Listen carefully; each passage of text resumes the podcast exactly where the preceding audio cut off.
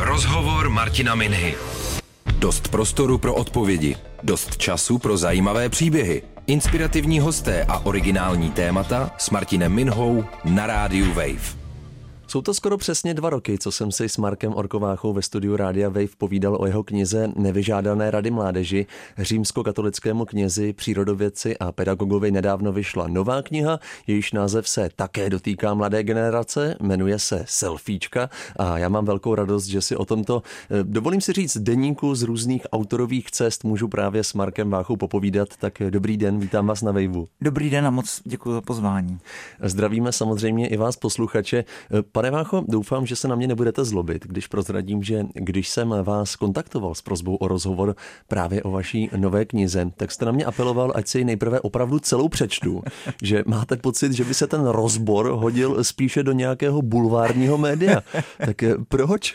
Já jsem to tušil.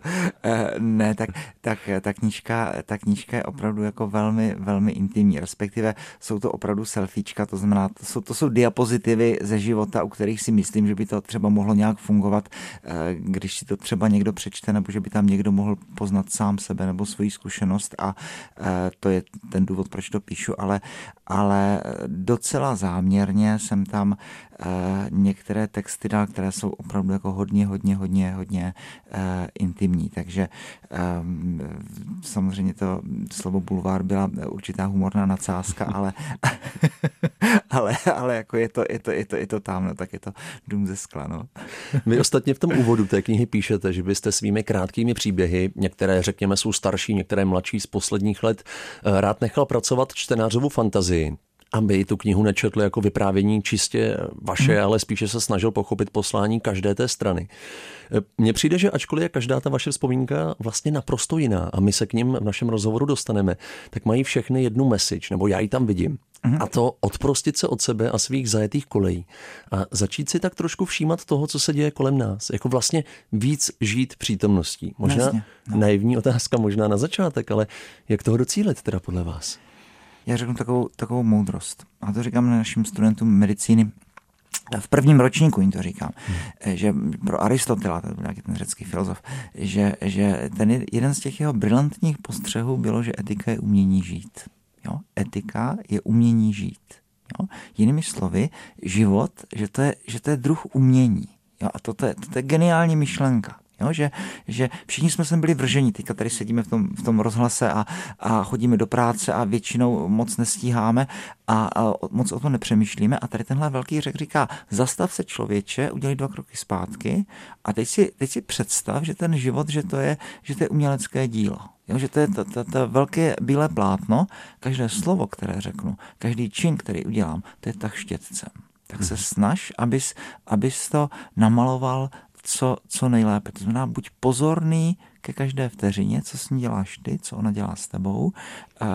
Tak jako každý ten velký houslista se musí mnoho a mnoho a mnoho let učit, než dosáhne e, toho mistrovství a pak se projeví ta genialita, hmm. tak takhle je to podobně s životem. To znamená, buď k tomu pozorný. On je to, on je to druh tance, nebo druh mm, obrazu, druh uměleckého díla, nebo umělecké schopnosti. Jo? A to se mi moc líbí tady ta myšlenka.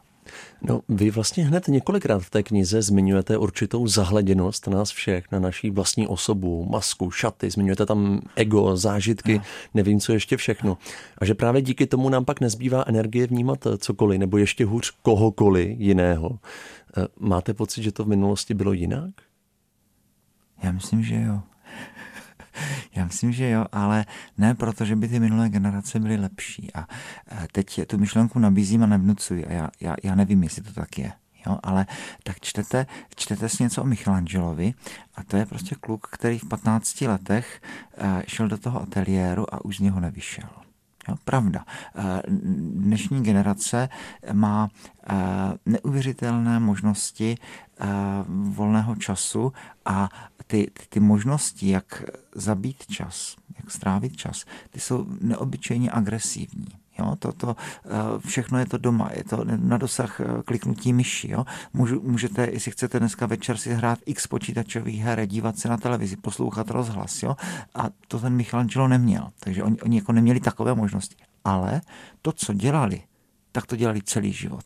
Jo, oni si prokopávali tu svoji cestu, eh, prosekávali si to a šli tam, kde ještě vůbec nikdo nebyl udělali si třeba svůj vlastní styl a, a pak teda my obdivujeme, že byli tak, že byli tak dobří. To, i ten název selfiečka eh, eh, vlastně vznikl trošku s tím, že když jsme s kamarádem Josefem Valentou eh, psali knížku, která se jmenuje Jízda v levém pruhu a to není důležité, tak jsme to psali u něho eh, na balkóně na faře u svatého Jakuba v Brně hmm. a najednou jsme si vždycky všimli v těch, v těch chvílích, že eh, u toho kostela se vždycky zastaví nějaká slečna a tak si natočí ty vlasy a pak se u toho vyfotí. Tak jsme se tam trochu smáli, ale když už byla sedmá nebo desátá, prostě ty, ty děvčata tak jenom ten kostel se jim líbí, tak si udělají to selfiečko a tak jsem si řekl, to je jako něco špatně přece tady toto, protože přece nemůžu žít z toho, kolik mám lajků u své fotografie. Eh, hezké slečny, hezký holky, jako výborný, všechno krásný, ale přece eh, můj, můj, můj status, moje, moje osoba, moje hodnota se přece nemůže pro pana krále odvíjet od počtu lajků, které dostává. Hmm. Jo, to znamená eh, jistě, že tady ty sociální sítě, to, jsou, to je dobrý sluha. Jo? Milion chvíli okamžité, jo, když byla nějaká ta demonstrace, všichni používali a, a to, to, to, jsou, to jsou výborné věci, které to umí ty sociální sítě. Ale já tam teda fakt jako vidím tu určitou patologii toho, jak, jak každý je tam jakoby zahleděný do sebe a teďka uh, každý se snaží, než mi ta vlna uh, smete, tak, tak aby, abyste mě nějak obdivovali, aby se stal tím hmm. hitem toho internetu, tak vysím z propasti za jednu ruku, jo, nebo se pomaluji na nahé tělo, nebo, nebo zapálím vlastní mobil, nebo, nebo jedu autem 200, kilovou, 200 kilometrovou rychlostí a ještě se u toho natáčím, nebo vypí live alkoholu na ex, jo, teď, teď obdivujte mě, lajkujte, šerujte, hejtujte, ale hlavně jako e, nějak na, na mě reagujte. Chci se stát hitem internetu. Tak to mě přijde jako fakt jako úplně patologický. A Gregor Mendel, to, jo, e, člověk, kterého nemůžu pominout, tak ten má jeden takový kratičký, jemňoučký citátek, že člověk nedokáže být, nevím jestli s lidmi nebo s Bohem, dokud nedokáže být sám se sebou. Hmm. Jo? A myslím si, že to, to, to, abych uměl být sám se sebou a abych byl aspoň trošku imunní vůči podlesku nebo i vůči hvízdání, že to jsou důležité věci. Ještě k tomu Michelangelovi chybí tedy mladé generaci tak na branku, jestli to chápu správně?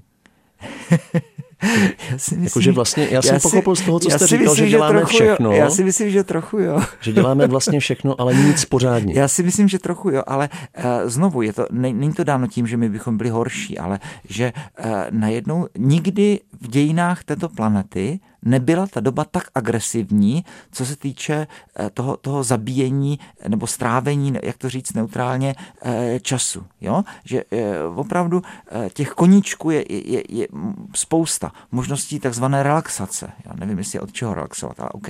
Jo? Možnosti, možnosti odpočinku, vyžití. Jo? Můžu hrát ty počítačové hry, můžu se dívat na, na, na milion různých seriálů na, na, na Netflixu nebo na HBO nebo, nebo filmy. To je všechno úplně na dosah dosah ruky. Ani se nemusím obtěžovat ještě ušít ven s nějakou partou, protože to mám na milimetrový pohyb myši. Takže eh, tohle, tohle je potřeba ustát. To ty minulé generace nemuseli. Ale zároveň, zároveň si fakt myslím, že ten tak na branku trochu chybí a Eh, já nejsem sociolog, tak já, já to říkám jenom jako like, já tak, že ho spovídám, hmm. nebo před pandemí jsem spovídal poměrně často a, a vlastně pořád jsem nějak v kontaktu s těmi středo a zejména dneska už vysokoškoláky. Tak eh, myslím si, že jedna věc tam, tam jakoby eh, byla jiná. Já jsem přece jenom ještě z té komunistické generace. To znamená, my jsme byli zvyklí a nás to naučili rodiče, ale vlastně nás to naučil život. Jo? Jít proti zdi. Jo? Jste jediný člověk ve třídě, který je věřící. OK. Jo? Všichni to o vás ví. Jo? Uh, učíte se říkat ne. Učíte se v určitém smyslu si to vyvzdorovat a uh, taky zajímavá věc, my jsme ty důležité věci nikdy moc nekonzultovali s rodiči. Jo? A ta dnešní generace, zdá se mi, že je daleko sociálně citlivější, že je daleko citlivější na ochranu přírody, na ekologii, Jo? Že se daleko víc angažuje než my na, ve všech těch jako bohulíbých, eh, chvalitebných eh, projektech pomoc eh, bezdomovcům, alkoholikům jo, a, a, a podobně. To jsou ti naši medici, to je neuvěřitelně, chodí po, po ulici a místo, aby se um, učili a toho učení, že teda je hodně na té fakultě, tak oni, oni uh, léčí bezdomovce, ale tak, že to dělají opravdu na ulici, jo, včetně té špíny, zápachu, všeho a jdou do toho a jdou do toho po hlavě a, a uh, to, to člověku jak pláče, když tady tohle uh, vidí nebo slyší. Ale uh, zároveň, když se věci uh, začnou nedařit a když se začnou nedařit z více stran, tak já mám dojem, že oni se hroutí. Jo, my jsme ještě byli zvyklí na to, že když se se mnou v jednom dni rozejde holka, vyhodí mě od zkoušky a třeba mě, třeba ještě mě vyhodí z nějaké brigády, kterou, kterou jsem spoléhal, tak, tak se z toho nehroutíme. Jo? Ale řekl bych, že ta současná generace už, už je z toho jako hroutí, když to přijde. Asi zase nelze házet všechny si, samozřejmě, do žiju v bublině, pochopitelně, nelze házet všechny protiargumenty uznávám. Třetí lékařská fakulta, to znamená eh, smetana z mladých lidí. Hmm. Salvátor, intelektuálové, filozofové, jo, e, tak jo. Naše tábory, tak to taky to jsou v určitém slova smyslu jako top, top mladí lidé tady z této republiky, takže já, já nejsem znalec mládeže včera a, a ani se do té pozice nechci pasovat a, a opravdu všechno nabízím, nevnucuji a, a nemám čísla, jsou to subjektivní názory. V souvislosti s tím samotným pojmem selfiečka jsem si to vyznačil jednu citaci, která mě upřímně hodně pobavila. Symbolem naší civilizace mohla být kdysi gotická katedrála s věžemi ukazujícími k nebi, pak raketa Apollo poukazující k velkému kroku pro lidstvo. Dnes je to selfie tyč, zrcadlo poukazující nikam do krajiny prázdných tváří. Absolutně nikam, no. No. Mě ale napadá, že ono bude nevyhnutelně jako přibývat nových vymožeností z kategorie high-tech, řekněme, a ať chceme nebo ne, tak si na ně lidstvo asi bude zvykat. Vy na tom nevidíte vůbec nic pozitivního, protože spousta lidí je za to asi nepochybně ráda. A za co? Za selfie no, Ty věci jako smartphone, obecně třeba digitalizace. No, to je jako, geniální věc. Jako hrozně pokrokově. Hejda, mane, všem odpůrcům smartphonu jako moc doporučuji tři roky zpátky jsme byli na vandru v ohňové zemi a tam teda, jako když jako úplně jako nevíte, kde jste a, a neměl byste ten, ten, ten, ten telefon, tak, tak jste absolutně vyřízený. Absolutně výborná věc, takže samozřejmě všechno to, co to umí, to je skvělé. Ta myšlenka není moje, to, to dávno Eh, říká ten britský biolog, eh, ten Cartwright, když říká, no ano, ono ta technologie jde pořád a pořád dopředu a on tam má krásný takový obraz, říká, ano, eh, planetu jsme objepěli tím systémem družic, tím výbleskem toho lidského génia, té lidské fantastické a fascinující inteligence a tyhle družice nám zpátky na planetu odrážejí telenovely a pornografii. jo? Takže máme pořád dokonalejší televize a pořád dokonalejší obrazovky, které mají miliony a miliony pixelů, ale na tom obsahu to úplně není vidět. Rozhovor Martina Minhy na rádiu Wave. Na rádiu Wave si dnes povídám s římskokatolickým knězem Markem Orkem Váchou, zatím hlavně o jeho nejnovější knize Selfiečka. Zůstaňme ještě chvíli u těch selfies jako takových, respektive eh, věcmi, které jsou s těmi fotkami a videí z telefonu spojené. Vy na úplném začátku vaší nejnovější knihy píšete následující. Eh, dříve si lidé psávali deníky, aby pomohli paměti a zachytili pomíjivé okamžiky. Dnes si mladí fotí selfiečka, aby snad zachytili důležité momentky života. Eh, na mě to působí vůči těm selfiečkům možná trošku jako urážlivě a možná se někdo může říkat, že třeba takový Instagram, platforma, kam právě tento způsob eh, fotek a videí, řekněme, lidé nahrávají a píší k ním let kdy dlouhé komentáře, takže je to vlastně nová forma takového deníku.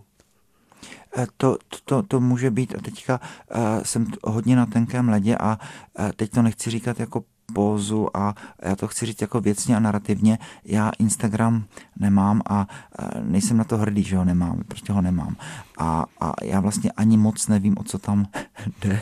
Já vím, že, že se tam jako dávají fotografie, a, hmm. ale, ale tak, tak nechci někoho nějak třeba urazit nebo, nebo uh, podobně a nechci to říct opravdu jako, jako pózu nebo nějak se tím jako vyvyšovat nebo, nebo tak. Tam se, pane Vácho, právě dávají ty selfiečka. Jo, jo, jo, jo. No tak, tak jo, to, to uh, proto se ta holka, o které jste mluvil, já tam, fotí. já tam vidím právě jako něco, něco jako fakt jako špatně, že říkat jeden německý teolog, jo, že i ten Grand Canyon se stane vlastně jenom kulisou k tomu, k tomu já. Jo, vždycky to je hmm. já před Sagradou Familií, já před Mount Everestem, eh, já před eh, Matkou Terezou, eh, já před Grand Canyonem, já před katedrálou svatého Víta, hlavně já, já, já, já, já.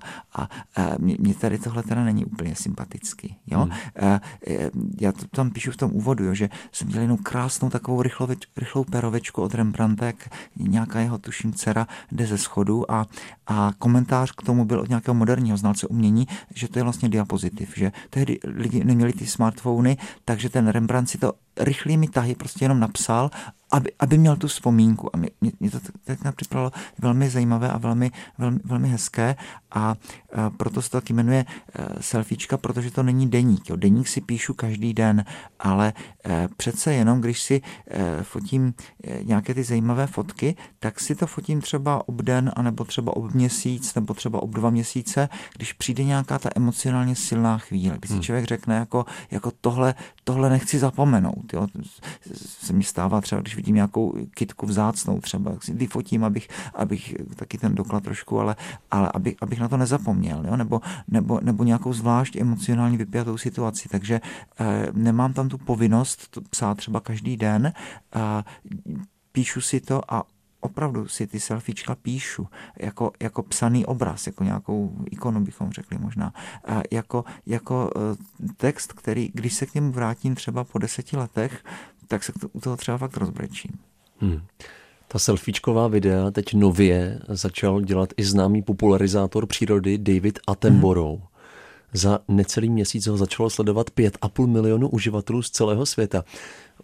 Já jsem dokonce viděl nedávno mu v dojemném videu kladli dotazy týkající se aktuálních globálních problémů legendy, třeba jako David Beckham, uh-huh. nebo asi ten nejznámější mladá zpěvačka Billie Eilish. Mě jako napadá, jestli tohle není ta správná cesta, jak efektivně, moderně a vlastně hezky i s emocemi využívat ty technologie a sociální sítě. Určitě ano. Určitě ano a, a tuším, že to má i papež František hmm. a, a já jsem na Etenborogovi vyrostl, tak pochopitelně, jako jsem začal brát rozum, tak to už byly ty, ty, ty, ty kazety, takzvané VHSky, to vy mladí už neznáte. A, a tak, trošku, tak, tak já jsem na tomhle vyrostl a, a Etenborough mě, mě prostě otevřel oči a rodiče, kteří byli na mě velmi laskaví a velmi hodní, tak mě kupovali ty jeho knížky, jak ono to vycházelo ještě za, za bolševika, ten, ten život na zemi, planeta žije a ten život rostlin a, a já jsem, nechci nějak chlubit, ale fakt jsem to uměl jako skoro na spaměť tady tohle. To, to pro mě byl jako obrovský úder krásna a já si myslím, že po té, co, co vidíte něco od Etenborouga, tak, tak jako nemůžete už ničit přírodu. To, to, to, je, to je marný. Jo? Takže eh, to je člověk, který má za sebou obrovský kus práce, jako obrovské díl a řekl bych, že pro ochranu přírody udělal mnohem víc než eh, různé panely a, a nějaké třeba vědecké publikace, jakkoliv jsou důležité. Že, že on hmm. opravdu jako, jako umí to natočit, natočí to krásně, je to vědecky naprosto přesné, taky na to má dobrý rozpočet a vypíchne v té zemi, v té krajině opravdu jako ty nejkrásnější záběry a, pro mě to je, to je náboženský zážitek se na to dívat. Eh, víte alespoň o tom, že třeba na Facebooku máte založenou skupinu, kterou sledují tisíce lidí, kteří na ní jako fotí stránky vašich knih, sdílí vaše přednášky.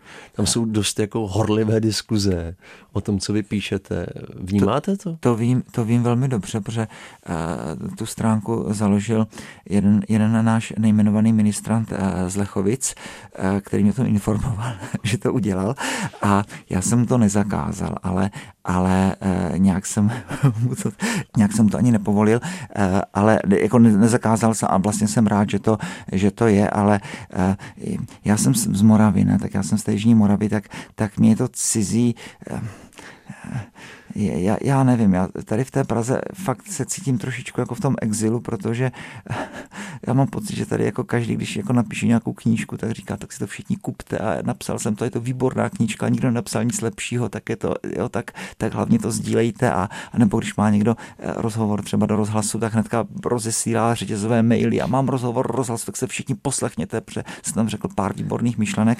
A já, si to, já, to, já to nikomu neříkám, že mám rozhovor do, do, do rozhlasu a, a e, nikomu moc ani neříkám, že jsem napsal nějakou knížku, tak když mě pozvete, tak přijdu samozřejmě velmi rád, ale, ale je mi to nějak jako cizí, takže... Hmm. Tak takže, vy nemusíte to říkat, protože právě máte tady ty fanoušky, kteří se starají to, o tu stránku. To udělal, to udělal ten, ten kamarád Eda, eh, ten ministrant, eh, tak, tak jsem mu za to určitým způsobem vděčný, a, ale, ale nijak ehm, tuto, eh, tuto, jako, tuto rošťárnu nepodporuji. Takže ať si tam lidé říkají, co je jistě napadne a jistě ať si tam vyměňují názory a zkušenosti a jistě je to k dobrému a, a Já už vás nebudu trápit s těmi sociálními sítěmi. Já jsem samozřejmě náš zmiňovaný dva roky starý rozhovor poslouchal znovu, abych se třeba neptal na to stejné. Jo. Vy jste mi v něm mimo jiné říkal, že máte pocit, že se to kivadlo komunikace u mladé generace obrací z té digitální zpět na tu osobní. Mm-hmm. Jakože se mladí zase chtějí potkávat. No mě ale napadá v souvislosti s tím, co se teď děje s tou koronavirovou pandemí, jestli se to kivadlo zase nebude obracet zpátky k té digitální, protože já mám ten pocit poslední tři měsíce. No, tak to je, to je kvůli pandemii. To je kvůli pandemii a my si to všichni uvědomujeme na vysokých školách. Dneska eh, byla na naší eh, fakultě celodenní dlouhotánská konference o pandemii, o covidu a bylo to ze všech stran rozebírané, tak tam mimo jiné to bylo rozebíráno i ze strany těch studentů, tak stoupá na vysokých školách počet studentů, kteří žádají o tu nebo jinou formu psychoterapie a podobně, protože jsou to třeba, může být třeba student, který tady je někde na privátě nebo je to zahraniční zahraniční student, jo, který se nemůže dostat domů a teď je úplně sám a vlastně odříznutý od, od, od všeho a, a, a velmi chybí to socializování, takže, hmm. a, takže paradoxně právě teď, když všechny ty přednášky sice v reálném čase, ale přece jenom máme online, takže já ty přednášky mluvím do, do notebooku, eh, tak si najednou všichni uvědomujeme, jak moc je důležitý ten, ten kontakt face to face. Jo, už taky proto, že víte, eh, fakt jsme o tom jako hodně přemýšleli, jo, že dneska se řekne, tak všechno máte na YouTubeku a, a všechny ty přednášky jsou zaznamenané a ten student si to může pustit, ale přece jenom tam co si je. Jo, o ničem přemýšlíte v tuto chvíli. Čtete nějakou knížku, která teďka vyšla. Teďka čtete nějaký experiment, který teďka proběhl a to nadšení to se předá, ale, ale já si, že to se moc nepředá těmi sociální, jako těmi, těmi notebooky a, hmm. a, a to, takže myslím si, že to vyučování face to face, že eh, nakonec nikdy nezanikne, že to bude třeba modifikované, ale, ale že v určitém smyslu je nenahraditelné. Jak nás to může změnit? Může nás to vůbec změnit, protože nikdo neví, jak dlouho to bude vlastně trvat. Teď je to půl roku, hmm. téměř půl roku. Eh, my tiše počítáme, že to bude ten rok určitě. Jo, že, že asi jako nikdo na fakultě nečeká, že by to bylo, eh, nemůžu za nikoho mluvit, mluvím za sebe. Jo, tak, tak já očekávám, že to bude určitě zimní semestr a tak tiše už připravují kolegy z našeho ústavu etiky, že, že to protáhneme do semestru letního a co bude dál, eh, nevíme. Nevíme, ale věřím, že se to naučíme, jo? protože je to nová situace, nikdy jsme to v našich životech nemuseli řešit, to bylo uh, improvizované, chaotické, neuměli jsme to, učili jsme se s těmi platformami, uh, teď si myslím, že už to umíme o tisíc procent lépe, už s tím umíme pracovat, i studenti s tím umí, umí pracovat a já si myslím, že nakonec se to dostane do nějaké uh, podoby, která bude docela rozumná a že to vzdělání, možná to nebude na 100%, ale třeba na 99%, že to, že to dáme, my i hmm. studenti. Hmm. A ta psychika, pane Váchu? No, no, tak ta dostane zabrat samozřejmě. Ta dostane zabrat, protože protože uh, už jenom to, že ti studenti se, se výdají, tak to je i, i, i pro ten jejich proces vzdělávání je to skvělý, protože se baví o tom učení, vysvětlují si místa, kterým nerozumí, povídají si o tom se říká i ve vědě, že ty eh, největší pecky v molekulární genetice eh, jsou vymyšleny v kuchyňkách, protože tam se právě potkávají ti badatelé, když si tam ohřívají eh, ten svůj lunch a, a tam jsou uvolnění a baví se o tom, co, co je aktuálně zajímá, co aktuálně dělají a potkávají se z různých oborů a třeba z různých laboratoří a tam to jiskří. Takže, eh, takže jistě, že, jistě, že o, o mnohé budeme ochuzeni a že to nebude jednoduchá doba, no ale, ale musíme to zvládnout a věřím, že se to naučíme. Bude hmm. to jiné, ale věřím, že to dokážeme. V souvislosti s pandemí jste nejednou v poslední době zmiňoval, že je to paradoxně příležitost otestovat sílu naší víry. Narážel no. jste tím na opatření, která katolíkům v mhm. této době omezují ty pravidelné rituály, mm. účast v kostele, bohoslužby, mm. pomoci 15 lidí maximálně se může zúčastnit nebo mohlo zúčastnit, teď se nesmí zpívat. V čem je to pro věřící lidi a možná nejen pro ně, jako ten správný test podle vás? Uh, já v tom vidím obrovskou šanci. Jo? Nejprve budíš řečeno, že uh, znovu krize je krize.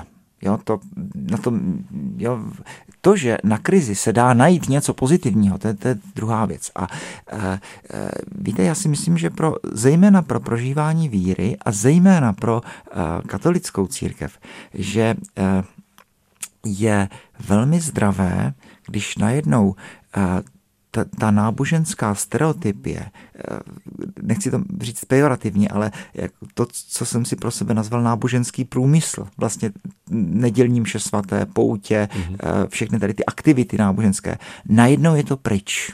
Jo? A teďka, teďka jste sám a jste doma, třeba se učíte, třeba jste student a teď je, nikdo vás nenutí uh, jít do kostela, protože to ani nejde. A teď si najednou člověk řekne, aha, tak jaký teda je můj vztah k, k numinóznu, k absolutnu? Jo? E, e, co to vlastně je modlitba? Proč bych se vlastně měl modlit? A znovu, co já dělám s modlitbou a co ona dělá se mnou? Jo?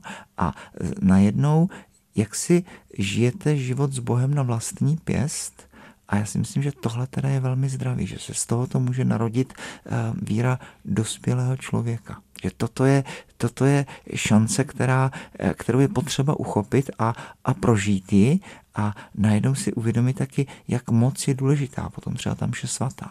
Jo? Najednou já jsem začal pro sebe jo? i vnímat jako mši svatou u sebe ve farnosti v Lechovicích, eh, ne jako co, si, co je základní lidské právo, ale spíš jako co si, co je možnost nebo dar. Mm-hmm. Jo, co si, na co se vlastně teďka těším mnohem víc, než jsem se těšíval před pandemí, protože po tom jaru už vím, že to být nemusí.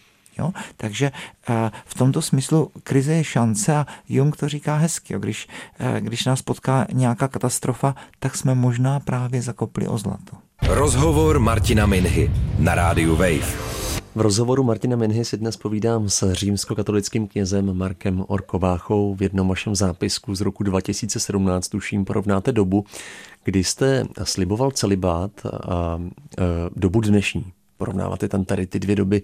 Psal jste, že tenkrát všichni kolem vás zakládali rodiny a dnes už je život ve stylu singles jako normální.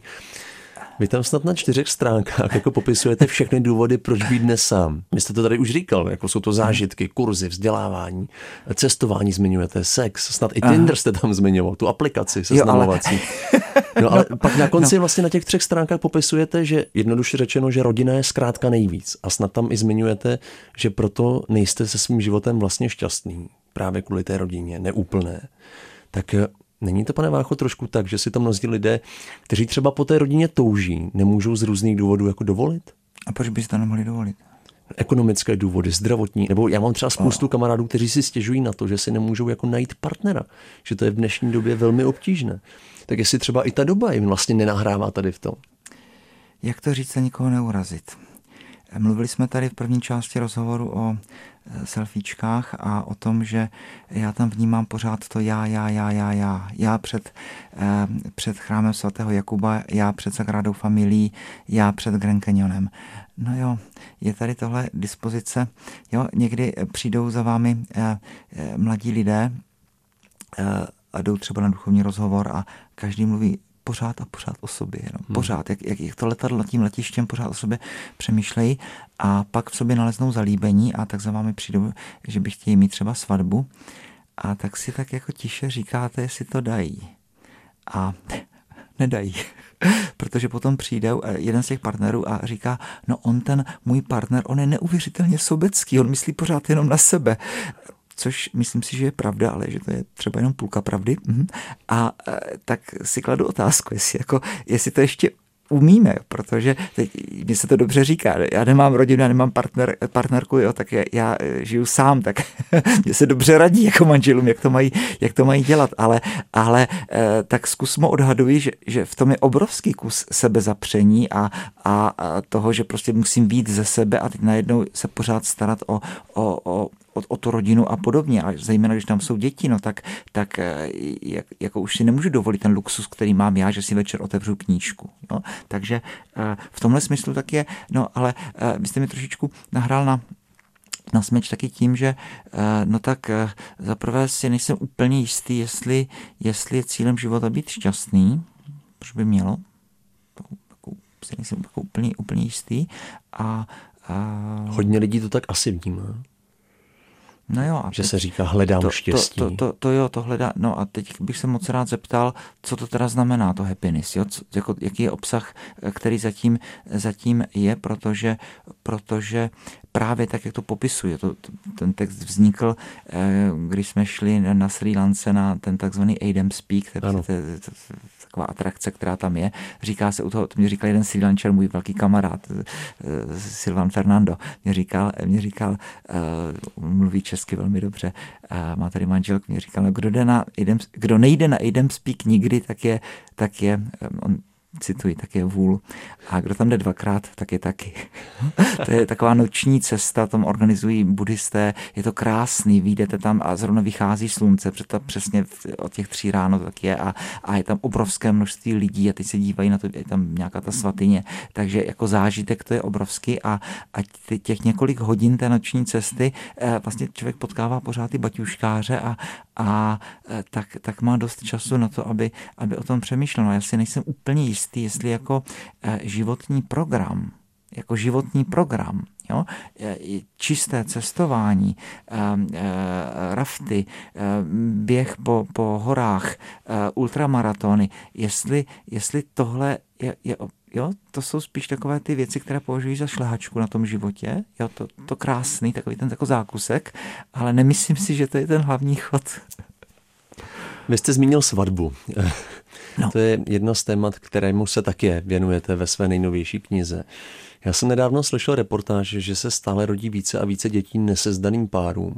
Vy tam právě v té kapitole popisujete svatbu jako vůbec nejdůležitější rozhodnutí života. Tak co si myslíte o názoru některých mladých lidí, pro které je svatba už možná přežitek, možná jen akce, kde se jako utratí hodně peněz, takže je to vlastně pro ně zbytečnost? Uh, ono to tak není a víme to oba. Jo? A jistě, že ti mladí lidé to takto, takto říkají, ale to jsem vymyslel takový, takový vtípek, možná jsem ho někde četl, abych, abych nevím, eh, že je to z jiné přednášky, že eh, rádi sami sebe klasifikujeme jako to, že jsme ty rozumové bytosti, které tu a tam používají emoce, ale opak je pravdou. My jsme emocionální bytosti, které tu a tam používají rozum. Takže všem těm, kteří svatbu nepotřebují a nepotřebují obřad, protože se mají rádi a dost, tak bych se chtěl upatrně zeptat, proč rozsvěcovali tolik svíček, když umřel Karel Gott, takový nesmysl. Proč rozsvěcují tolik svíček, když je výročí sametové revoluce na národní třídě? Komu to prospěje? Proč chodí na fotbal eh, a tam mávají eh, vlajkami, jaká hodnota se tím získá. My jsme velmi rituáli, rituální, my jsme velmi emocionální a ty rituály potřebujeme. Jo? To e, taky, taky bychom mohli říct, že eh, našim absolventům naší fakulty prostě dáte tu trubku, ten tubus a, a řeknete nazdar a e, všichni říkáme, no oni to potřebují kvůli těm prarodičům a tak, no ale, ale e, promoce, no, to je vlastně už je svatá. Jo, tam je ta církevní hierarchie, která je oblečena ve stejných legračních kostýmech jako ta církevní. Varhaník tam zahraje skladbu, je tam ten pedel s, tou, s, tím, s tím žezlem, každý tam řekne to spondák policor. No to je v podstatě náboženská rituální slavnost. Taky můžu pokročit rameny a říct, no tak já to nepotřebuju, tak mi dejte ten papír a, a no, ale, ale ono je to dobrý ono je to dobré. To tež pohřbívání, to jsou dneska práce sociologů, kdy eh, potřebujeme se s tím neboštíkem rituálně rozloučit. My říkáme, eh, on to nepotřebuje. On to nepotřebuje, ale my to potřebujeme. Jo? Takže, takže ono to v nás je a, a to, že když máme úvodní soustředění našich studentů medicíny a oni sedí kolem ohně a hrají na kytary, tak to si nevymysleli oni. To máme od těch australopitéků z těch afrických plání a tuhle eh, legraci už provozujeme pár milionů let a to nejde jen tak jako lusknout prsty a říct jako teď budeme rozumní, racionální, eh, žijí s tou slečnou tady a nepotřebujeme žádný rituál. Uh, OK, tak třeba budete šťastní a já vás do ničeho nenutím a je to samozřejmě vaše rozhodnutí. Jo? Ale e, možná někdy v té hloubi duši e, spíš možná ta slečna e, někdy se jí třeba zasteskne, nevím. Rozhovor Martina Minhy na rádiu Wave. Na rádiu Wave posloucháte rozhovor s římskokatolickým knězem Markem Váchou. Eh, vy jste někde přirovnával modlitby k partnerským vztahům. Psal jste, že partneři také nejsou spolu jen v moment, kdy je to zrovna baví. Obhajoval jste tím to, že je zkrátka normální, že se právě katolíkům občas do modlitby třeba nechce, nebo že když ji odříkávají, tak jsou myšlenkami někde jinde. Já si ale říkám, kde je ta hranice, jak dlouho se můžu nutit, vlastně v úvozovkách nutit a mít pocit, že je to zbytečné, protože přeci ve výsledku u všeho, co děláme dlouhodobě, očekáváme jednou nějakou pozitivní zpětnou vazbu. Nebo to tak není? No a pokrok taky. No, a to tak je to tak je a je to, je to eh, jak v tom partnerském vztahu, tak v tom vztahu člověk-Bůh. Samozřejmě, že je potřeba na úvod říct, že to jsou paralely. Hmm. vztah k nějaké slečně a vztah k Bohu eh, mohu potvrdit, to jsou dva úplně jiné vztahy. jo, to je, také potvrzuji. paralela trošičku kulhá. Jako, jo. Ale, ale eh, to, že ta zpětná vazba, no tak co když ona je? Jo? Protože to, uh, tam Ježíš Kristus tam říká v evangelích jednu, jednu, jednu velmi moudrou věc. Říká, neuzříte-li zázraky a divy neuvěříte. Jo, a já to někdy říkám na přednáškám těm mladým lidem, uh, uh, modlete se o zázrak a dokud neuvidíte zázrak, no tak víra, to bude takový jako intelektuální názor na vznik světa, no tak nějaký ten logos, myšlenka, možná tři tečky v závorce, říkají dneska někteří teologové, Dios, God, co si tam asi nad námi je, ale dokud neuvidíte zázraky a divy, dokud se opravdu jako nestane něco, u čeho člověku běhá mráz po zádech, jo, toto je zážitek, který mohu popsat, ale který je potřeba zažít. Jo. Takový je to, že eh, ten, ten zážitek vyslyšené modlitby, kdy si s hrůzou uvědomíte, zdůrazňuji s hrůzou, že na druhém konci drátu jako někdo je. Jo, to je jak Interstellar, jo? Že, že, že, se jako s někým bavíte, jo? Že, že, že tam je respons. A teďka samozřejmě otázka, jako, jako co to je? Hmm. Jako, jako s kým mám tu čest? Jako, jo? E, co, co to po mně chce a co, co, co, co, co chci já potom?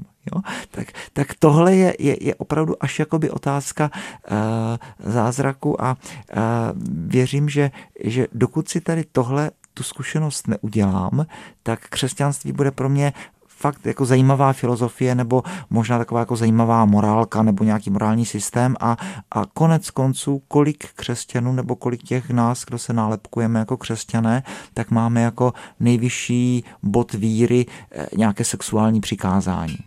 Tak to potom není víra, ne? Tak to je okrašlovací spolek. E, dotýká se toho, o čem jste teď povídal, právě ten váš pojem fast religion? Já jsem ho někde četl e, v textu snad s názvem Zážitkové křesťanství. Jo, jo, jo, jo, jo. Co to je? No to jsem si vymyslel já, to. ale e, jistě, jistě tohle tak fast food. To jsem si vymyslel jen, jen proto, že, že vracíme se obloukem k té původní myšlence, že tu a tam za vámi někdo přijde nějaký ten duchovní rozhovor a říká, něco je špatně, protože Eh, mě nebaví chodit do kostela třeba, takzvaně. No a tak eh, moje odpověď je, no to není hřích, to je fakt. No to není špatný, jo. Ale je to stejně, jako kdyby za mnou přišel student a říkal mě, něco je špatně, protože eh, mě už nebaví se učit patologickou fyziologii. To není hřích, to je fakt. Jo? Ale neučím se uh, patologickou fyziologii proto, uh, že mě to baví nebo že mi to přináší nějaké, nějaké super radostné zážitky. To málo kterému z našich studentů by to přinášelo nějaké radostné zážitky, ale dělám to proto, že to budu potřebovat pro svoji životní praxi. Že to budu potřebovat proto, abych jednou mohl pomoct pacientům, abych byl dobrý, dobrý, dobrý doktor. To znamená, dělám to proto, protože to má smysl, ale ne proto, že mi to přináší zážitky. Jo, a to, tak já už jsem tady v té pozici opravdu toho starce, který takhle žehrá na tu, na tu, na tu dobu, na ty selfiečka a tak, jo, a, a to je opravdu někdy jako legrační, vás pozvou do, do rozhlasu a tak nám tady, pane Váchu, něco pověste o eutanázii, ale hlavně, ať je to zábavné. tak třeba nejde úplně, jo. Takže Eh, jsou věci, o kterých se možná nedá mluvit jako úplně zábavně a respektive, eh, když eh, to není zábavné a když to není show, tak to neznamená, že to je špatně. Jo, to hmm. znamená, že když se modlím a, a děkuji za den, který je za mnou a třeba za moc hezké věci a třeba za věci, které se mně nepodařily. Jo, dneska jsem si říkal, že jsem něco měl říct jednomu, jednomu uh, uh, člověku a neřekl jsem mu, to jsem mu chtěl pochválit nějak za něco a už asi tu možnost mít nebudu v životě, tak to člověka zamrzí. A uh, tak, tak to, to jako se u toho člověk nemusí prohýbat smíchy nebo, nebo to nemusí být nějak extra zábavné, ale je důležité ten čas tomu dát. Jo? Protože uh, ta paralela zase funguje v tom, že tak jako přátelé uh, jsou definováni tím, že si umí dát čas, no tak i v tom vztahu uh, tři tečky v závorce, člověk, Bůh, člověk, God, tak, tak přátelství je definováno časem, který si dáme. Takže, no, takže, takže. Blížíme se k závěru. Už, Vy jste jejda. nedávno tady na Vinohradské byl o pár pater výš, řekněme, v rozhovoru mm. pro Český rozhlas Plus jste zmínil, že cestování je pro vás symbol svobody, které pro vás nevždy bylo samozřejmé. I v knize Selfiečka vy popisujete mm, vaše pocity, které jste prožíval. Tenhle rok, myslím, jste stihnul ještě Argentínu. Ano, ano, ano. Z jakých důvodů cestuje Marek Orkovácha? Předpokládám, že vy si nejdete asi lehnout na pláž. Protože musím. Protože musím. A teďka to je tak patetické, ne takové, ale e, fakt je, že jak stárnu, tak už to přece jenom člověk potřebuje jako méně a méně a rád bych se dostal někdy do, té, do, té, do toho stavu, toho mystika, který, e, který vyjde ven před dům a upadne do extáze nad pampeliškou. Tak mně se to ne, jako neděje, ale uh, řeknu dva zážitky. Já, já to fakt jako neumím si tady nějak představit nebo zažít něco jiného. První je ta Argentina, kdy jedete tou, tou prašnou cestou, která má tisíc kilometrů, je to jak podle pravítka a to je tak opojná svoboda. To je, to je tak neuvěřitelného něco. A jdete dál a dál a dál a dál. Pořád je to stejný ta pampa. A nemá to konce. Pro mě jako tohle je teda, tam fakt pochopíte, že Bůh je divoký. Že prostě tohle nemohlo stvořit něco normálního. Já to nejsou žádné naše ty luhy a háje, ale tohle teda jsou jako, jako pěkně ostré plameny. No a potom eh, ta letošní, eh, nevím, jestli jsem kdy v životě, včetně Antarktidy, měl silnější zážitek z přírody, svatý Vilém, to je jeden eh, Parque Nacional eh, v, v střední Argentině na, na západě. Je to taková uh, altipláno, platforma taková, která je 3300 metrů vysoko nad mořem. Hmm. Vůbec netušíte, že tam je to jak jezerní kotlina. Prostě tam jedete a najednou se od, otevře uh, planina, ovšem pozor, planina, která je velká jako půlka Moravy. Jo? A kopečky jsou do 5,5 tisíce. Nejbližší lidé je osa, osada 140 km a nejbližší městečko 200 km. Jste úplně odříznutý ode všech. Úplně jako naprosto sám. Ty skály jsou vysoké, divoké, drsné, eh, ve dne eh, plus 30, eh, v noci třeba minus 5 nebo, nebo tak, jako hmm. obrovský rozpětí těch teplot. Funíte už taky trochu kvůli tomu kyslíku a pak se v noci pumy, tam taky jsou jich tam poměrně hodně prý, a pak v noci ležíte na té zemi a díváte se na hvězdy a já jsem to tady nikdy nezažil, ten pocit. Já, já fakt ještě kvůli tomu musím, musím jet ven, protože pro mě to je, říct, že to je modlitba, tak to je slabý. To je, to je určitý druh jakéhosi eh, mystického vytržení, jakési extáze a, a eh, jo, když se ptali Hilaryho eh, a Tenzinga, eh, proč takhle jezdí do těch hor, tak, tak eh, známa odpověď Hilaryho, protože jsou. A Tenzing říká, abych byl blíže bohům. Hmm. A já si myslím, že, že obojí obojí to tam jako někde, někde je, takže kvůli tomu to jezdím. Je mnoho témat, které bych s římskokatolickým knězem Markem Orkováchou chtěl ještě řešit, ale rozhlasový prostor není nekonečný. I proto doufám, že vás budu moc v budoucnu opět v našem studiu Radia Wave přivítat. Moc vám děkuji za váš čas i za rozhovor, bylo to Děkuji příjemné. za pozvání. Stejně jako před těmi dvěma lety, eh, výborná atmosféra, super. Kdykoliv, s radostí. Děkuju. Děkuji moc. Vám děkujeme za poslech a připomínám i aplikaci Můj rozhlas, přes kterou stejně jako přes Spotify nebo Apple Podcasts můžete poslouchat i náš rozhovor Veroniky Rupert a Martina Minhy. Mějte se dobře. Rozhovor Martina Minhy. Dost prostoru pro odpovědi. Dost času pro zajímavé příběhy. Rozhovor Martina Minhy. Poslouchejte velké rozhovory se zajímavými hosty kdykoliv a kdekoliv. I offline. Přihlaste se k odběru podcastu na wave.cz lomeno podcasty.